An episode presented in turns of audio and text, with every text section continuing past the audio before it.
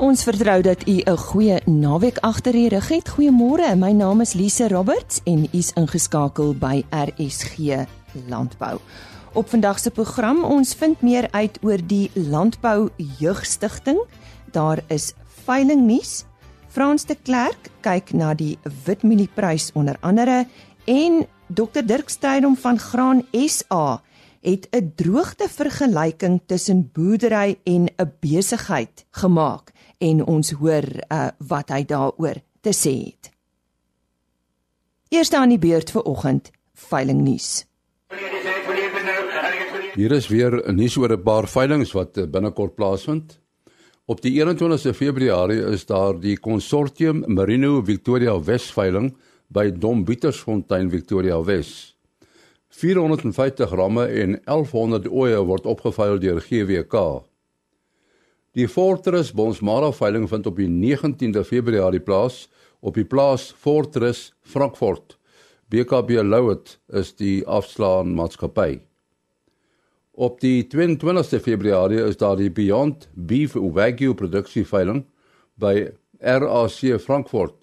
Die rooi en swart Wagyu vroulike diere word opgeveil deur BKB Louet. Die afslaers is Jan Mostert en Brandon Leer. Tot sover dan veiling nuus. 8085. Nou eers nuus, die wingerdboukundige professor Piet Goussart is op 7 Februarie met die ikoniese 1659 erepenning vereer by die jaarlikse wynoesherdenkingsgeleentheid op die geskiedkundige Groot Constantia landgoed.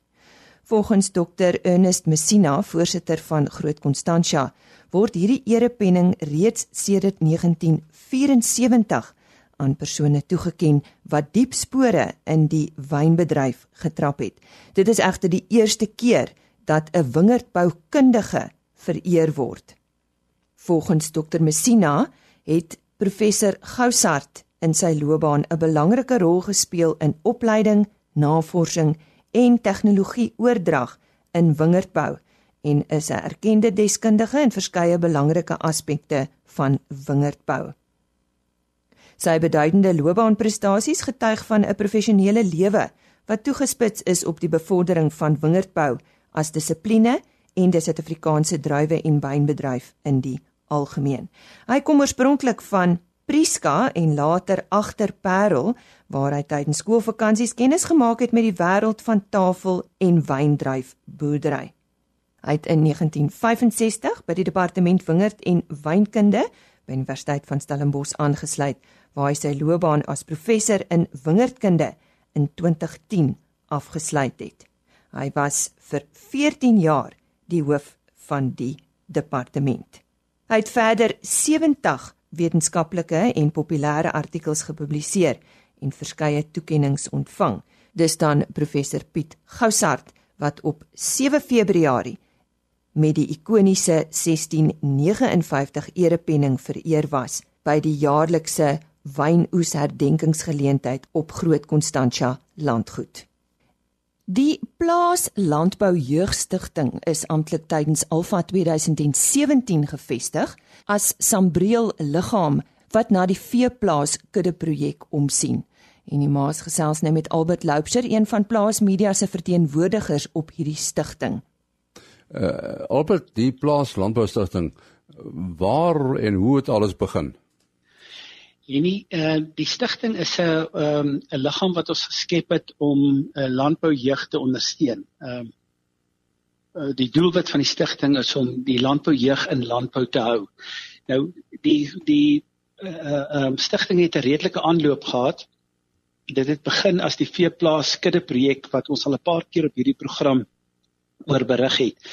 Ehm um, wat uh, net te groot geraak het dat ons dit eenvoudig nie meer binne veeplaas kon bestuur nie en daarom het ons toe nou 'n uh, uh, uh, stigting gestig 'n onafhanklike nuwensgewende organisasie wat ehm um, bestaan uit 10 koöperatiewe lede en uh, uh as ook al die verteen die, al die skole wat betrokke is by die verskillende projekte is daarbey betrokke en al die vennootskappe wat vee in die stelsel het ook en dan hierdie stigting is dan daar gestel om om hierdie doelwit van om die landboujeug in Suid-Afrika te ondersteun uh uh dit is die die die doelstelling van die stigting. En en wie is nou tans lede van die stigting waarvan jy praat? En nie, ons het op hierdie oomblik uh 10 koöperatiewe lede. Nou 'n koöperatiewe lid is 'n um, maatskappy of 'n uh, entiteit wat 'n spesifieke belang het by uh landbou jeugontwikkeling.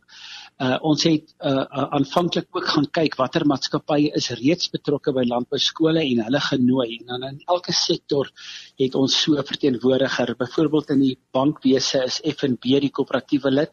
Uh BKB is as landboubesigheid daar, dan is dit uh Voermol wat uh, voermaatskappy, Zoetis as diergesondheidsmaatskappy en uh Taurus as 'n as 'n genetika maatskappy.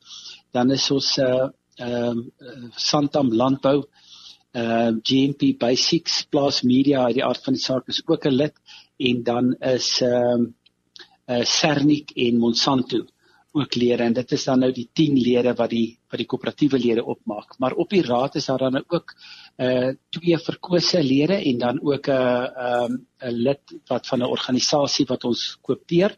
Uh Salof is die landbou onderwysersvereniging hulle toevallig uh verlede naweek hulle kongres gehad in Tsanin.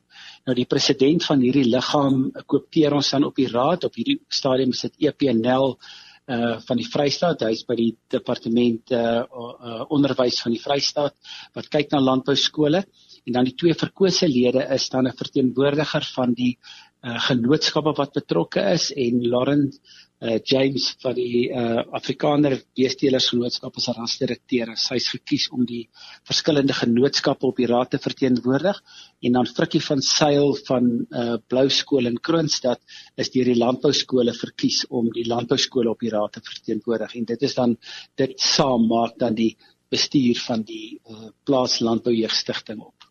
En en watter skole neem deel?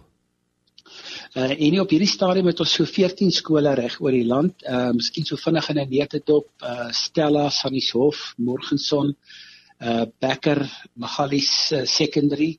Uh laaste twee al twee daar naby Magalies, uh Belfort, uh, Western, um Ryds Hoërskool, Blou Skool in Kroonstad, uh Unicorn, die ou uh tweespruit, uh, Hendrik Potgieter by Reddersburg uh Oudtshoorn Landbou Skool in die Kaap by Riverstal en Boland Landbou Skool in die Parel. Uh is nou almal skole by wie ons 'n projek op die op die oomblik aan die gang het. Daar's 'n paar uh, nuwe skole wat in die in die hierdie jaar uh, nog gevoeg gaan word by die lysie, maar op hierdie stadium is dit die skole wat betrokke is. En, en die rol van die teelers genootskappe? Ehm um, kyk die kinderprojek het aanvanklik bestaan ag uh, sy sy ontstaan daar gehad waar ons as veeplaas by 'n genootskap uh stoetdiere gekoop het maar daarvoor betaal het met mediaprodukte en dan het ons hierdie stoet gaan plaas by 'n skool en by die bepaalde genootskap gaan registreer. So is daar byvoorbeeld nou op die heel eerste een was die Afrikaner kudde wat by Becker ehm um, geskep is en daardie kudde staan bekend as die veeplaas uh, Becker Afrikaners toe. Hy's sodanig geregistreer by die genootskap en hulle neem aan skoue en aktiwiteite van die genootskap in as daai daardie entiteit deel. En dan uh, uh, by Wagbos is dit die veeplaas Wagbos Simbra stoet. Uh Sannieshof is dit die veeplaas uh, Sannieshof Simmentaler stoet. Op Stella is dit die die veeplaas Cherolay ag uh, uh, veeplaas Stella Cherolay stoet. Uh op Morgenson het ons die uh veeplaas Morgenson Brefford stoet. Op Belfort is dit die die veeplaas Belfort Hugenote stoet.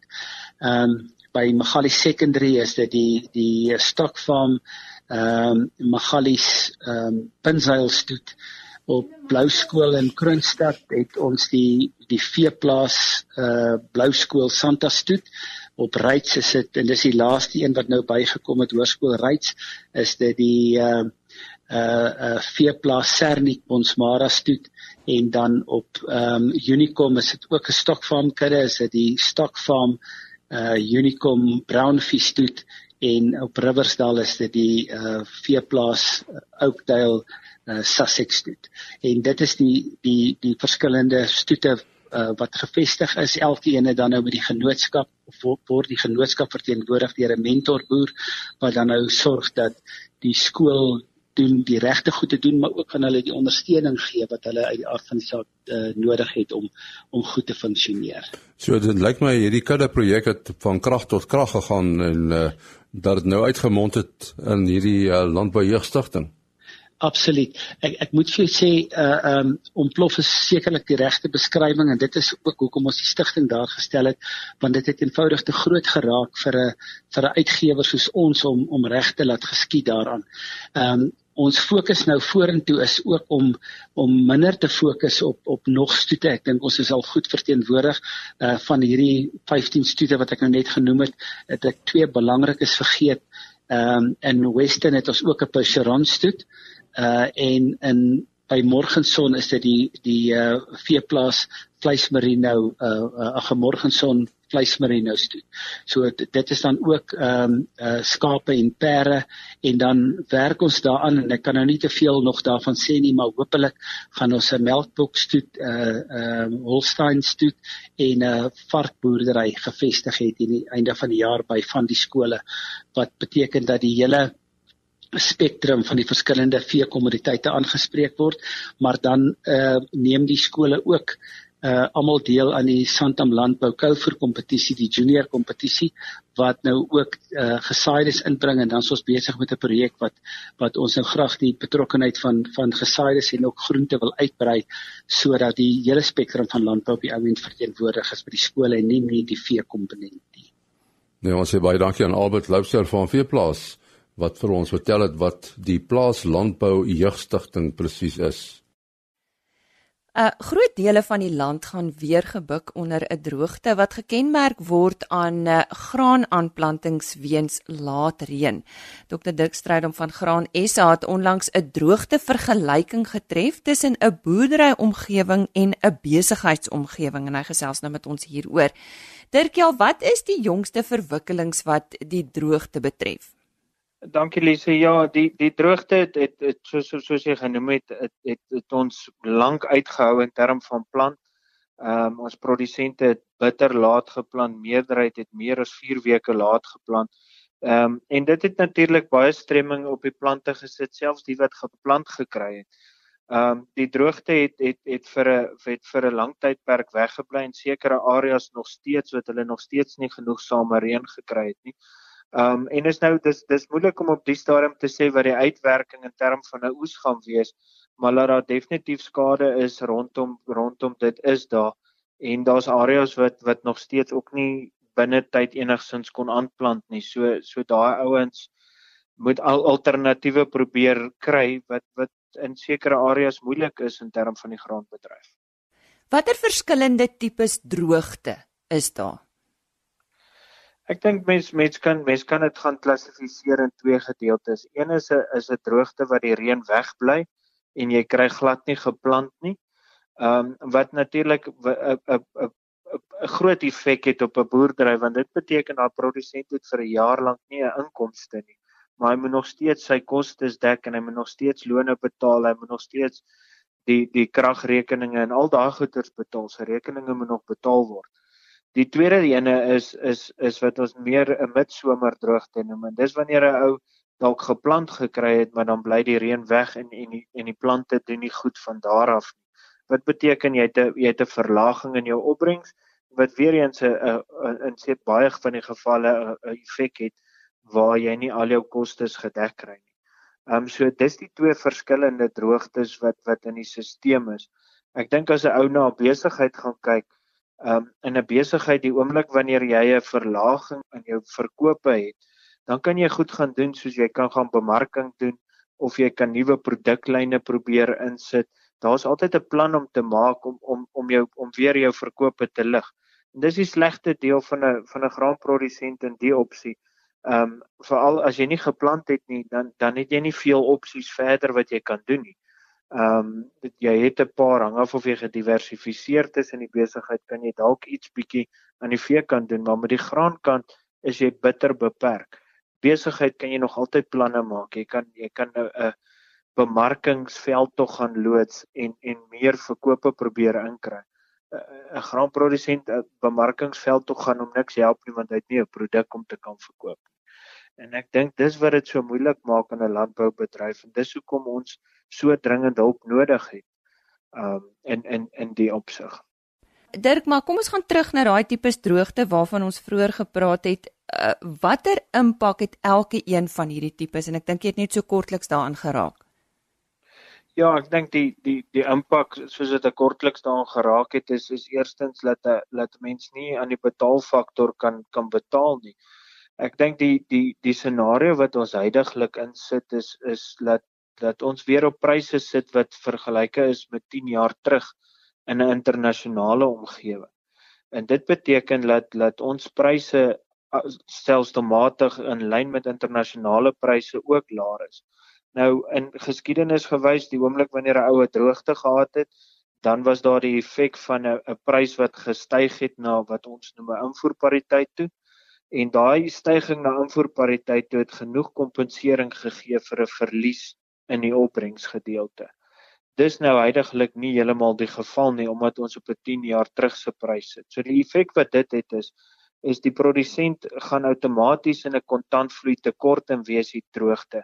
Maar hy het nêrens spasie wat hy weer maklik uit hom uit kan kom nie. En as die siklus van 'n 10 jaar nog langer aanhou vir nog 3 of 4 jaar beteken dit daar's bitter min spasie vir 'n produsent om dan weer in 'n positiewe kontantvloei in te kom en en dit plaas druk op en en en dis waar waar ons gegaan het en in vir die staat gevra het gaan gee vir ons 'n subsidiesisteem in term van oesversekering want dan kan die die verlies in opbrengs daarom opgemaak word met so 'n ver, ver, versekeringsskema. Die versekering heidaglik in sekere gebiede wat veral die hoë risikogebiede is waar die hoogste probleme is, is net onbekostigbaar weens daai daai risikofaktor. So ons het 'n hulp nodig om die produsente weer 'n geleentheid te bied om hulle self weer positief te kan boer en in 'n positiewe kontantvloei scenario te kan inboer. En en dis dis hoekom ons baie druk plaas om te sê help ons met 'n oesversekeringsskema. As jy in Amerika gaan kyk, hulle sit met 'n oesversekeringsskema waarvan 60% van daai skema gesubsidieer word. En en dit help met hierdie 10 jaar laagtepunt veral wanneer wanneer goed verkeerd loop in term van 'n droogte. Dirk het ook uh, vroeër so 'n bietjie gesels oor die grootste verskille tussen 'n boerdery en 'n besigheid wat onder moeilike omstandighede verkeer. Miskien kan jy net weer so 'n bietjie vir ons uh, verder ook daaroor gesels? Ja, ek dink ek het ek het so 'n bietjie uitgebrei in term van wat wat wat gebeur as dit nou verkeerd gaan.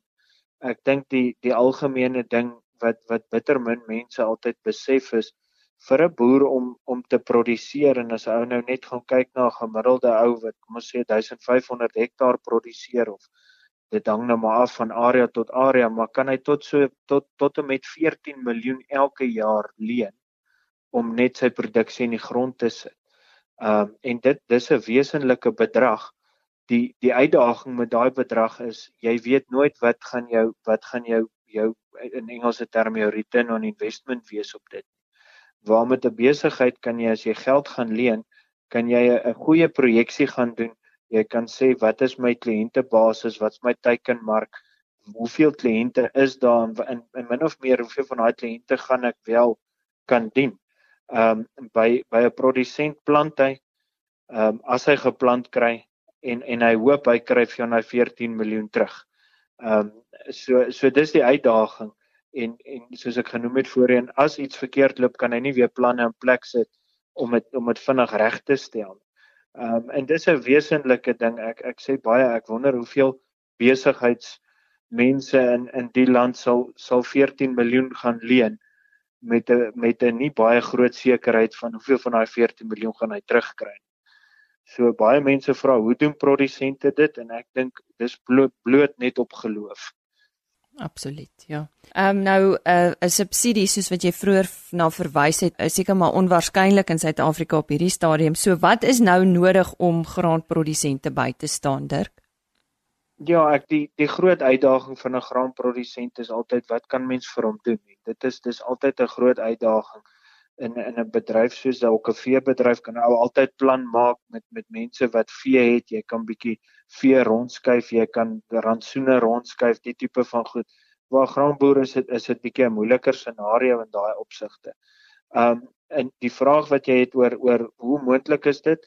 Daar's 'n ministeriële komitee wat saamgestel is oor droogtes waar verskeie bedrywe bygesit is en waar een van die voorstelle was om te gaan kyk na 'n oesversekeringsskema. Ehm uh, die minister van landbou het die verslag goedgekeur. Dit dit die probleem gaan nou dat dit nie net sy finale besluit is nie omdat dit uit 'n staatskas uit gaan moet kom, gaan hy nog met met verskeie ander ministers ook moet onderhandel en en daaroor praat. En ek dink dis waar die grootste uitdaging kom is is in term van die van die staatskas een.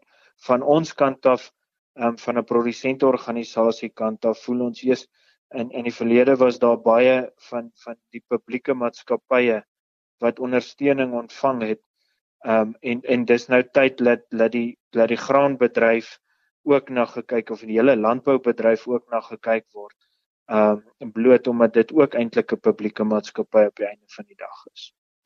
Ja, sê baie dankie aan Dirk Strydom. Hy is dokter Dirk Strydom, bestuurder graan, ekonomie en bemarking by Graan Suid-Afrika. Voor ons uh, afsluit met ons laaste bydrae vir vanoggend, onthou indien jy graag met ons kontak wil maak, stuur gerus 'n e-pos aan Lenet by plaasmedia.co.za en uh, indien jy daar's dalk 'n onderwerp wat u wil hê ons moet bespreek of 'n vraag wat u wil hê ons moet beantwoord. Ons sal 'n kundige raadpleeg vir hierdie antwoord. En verder, indien u van ons onderhoude misgeloop het, besoek gerus die gewone RSG webtuiste www.rsg.co.za of is meer as welkom om ook die Agri Orbit webtuiste te raadpleeg. Dit is www.agriorbit.com. Onthou van daardie www.agriorbit.com www.agriorbit.com Vir ons laaste bydrae vanoggend sluit ons aan by die onafhanklike tegniese analis Frans de Klerk. Lisa, as ons kyk na die wit mielieprys van Julie, ek wil dit is die kontrak wat ons eh, binnekort gaan sien wat basies in in werking skop omdat meeste van die boere nou geplant het en um, baie boere is onseker want ons weet nog nie hoe die oes gaan lyk nie. Maar as ek nou kyk na die grafiek, Dan het ons 'n pragtige daling in die Julie uh, 2019 kontrak gehad. Al die pad hier van R3450 toe tot waar hy nou gister so laag gegaan het soos net onder die R2700 per ton. Maar wat nou vir my optimisties maak rondom die prys is dat ons gister gesien het dat ons 'n naaldekoker kantelkers kry. Nou 'n naaldekoker kantelkers is altyd wat ons tegnies noem 'n omdraaikers. Dit is 'n kers wat gewoonlik vir jou sê dat ander beleggers eintlik koop in laagtepunte. Met ander woorde, hulle het gewag dat die prys gister onder druk gekom het en toe het hulle begine pesel aan die mieliekontrak. Nou, wat ook nog positief is, is dat my stogastiese indikator wat altyd sê dat die prys te ver gedaal het, is ook nou in 'n posisie waar hy wys dat die prys net te ver gedaal het en ons praat daarvan 'n oorverkoopte tegniese situasie en daardie indikator lê uit 'n moontlike 100 op 9. Hy was eergister so bietjie laer, maar ek bedoel hy lyk nou al of hy bietjie wil kop optel en hy staan op 9. So vir die luisteraars vanmôre moet ek sê dat die prys kan baie maklik bo R2780 'n herstel op gee uit hierdie oorverkoopte situasie want dit sê net vir jou dat die prys vir die oomblik net te ver gedaal het. En as hy bo daai vlakkie kan kan breek van R2800, dan gaan hy nou 'n behoorlike tegniese koopteken gee by R2830 en as daardie dalende wig wat hy nou geskep het soos wat hy geval het, uitspeel na bo, kan ons baie maklik teruggaan na die vlakke van R2880, R2900 en selfs R2950. So Tegnies sê die grafiek eintlik nou dat die boere is optimisties geweest oor die reën wat geval het. Hulle het gedink dat hulle dalk nie sulke slegte oes te gaan hê nie, daarom het die prys gedaal en nou begin ons sien dat van daardie boere sê dat al die goeie nuus is nou verdiskonteer en dat die prys baie maklik hiervanaf kan begine opbeweeg. Nou ek gee altyd 'n vlakkie van waar gaan ons dalk verkeerd wees op die grafiek. Nou ons gaan verkeerd wees wanneer die prys onder R2680 begin daal, want dan kan ons skuif na 2640, maar as ek na hierdie grafiek kyk op vir die oomblik, het ons natuurlik die laagtepunte gesien En dan is daar iets anders wat so sy kop uitsteek en dit is die rand. Die rand begin 'n tekens van verswakking gee en die rand het gister hier by R13.88 beweeg. As hy R13.92 breek, kan ons maklik teruggaan na R14 toe en dit gaan die mielieprys sit en baie maklik hierdie herstel op die waarvan ek praat aanhelp om 'n loopie te gee na bo. So boere wat nou mielies geplant het, moenie te oorhaastig wees om daardie oes te vas te skryf nie. Hierdie grafiek het te ver gedaal. Hy sê ons kan dalk eers 'n wippie kry na bo. Dit was aan die stem van Frans de Klerk en indien jy met hom wil kontak maak, stuur gerus 'n e-pos na frans@fransdeklerk.com. Ons gesels verder môreoggend oor die Landbou Jeugstigting met die voorsitter van hierdie stigting en dit is Dawie Maree en ons praat ook met Dr Chris van Dyk van die MPO en natuurlik staan die MPO vir die melkprodusente organisasie. Tot môre dan. 'n Aangename dag vir u verder en totsiens. RSG Landbou is 'n produksie van Plaas Media. Produksieregisseur Henny Maas. Aanbieding Lisa Roberts en inhoudskoördineerder Jolandi Root.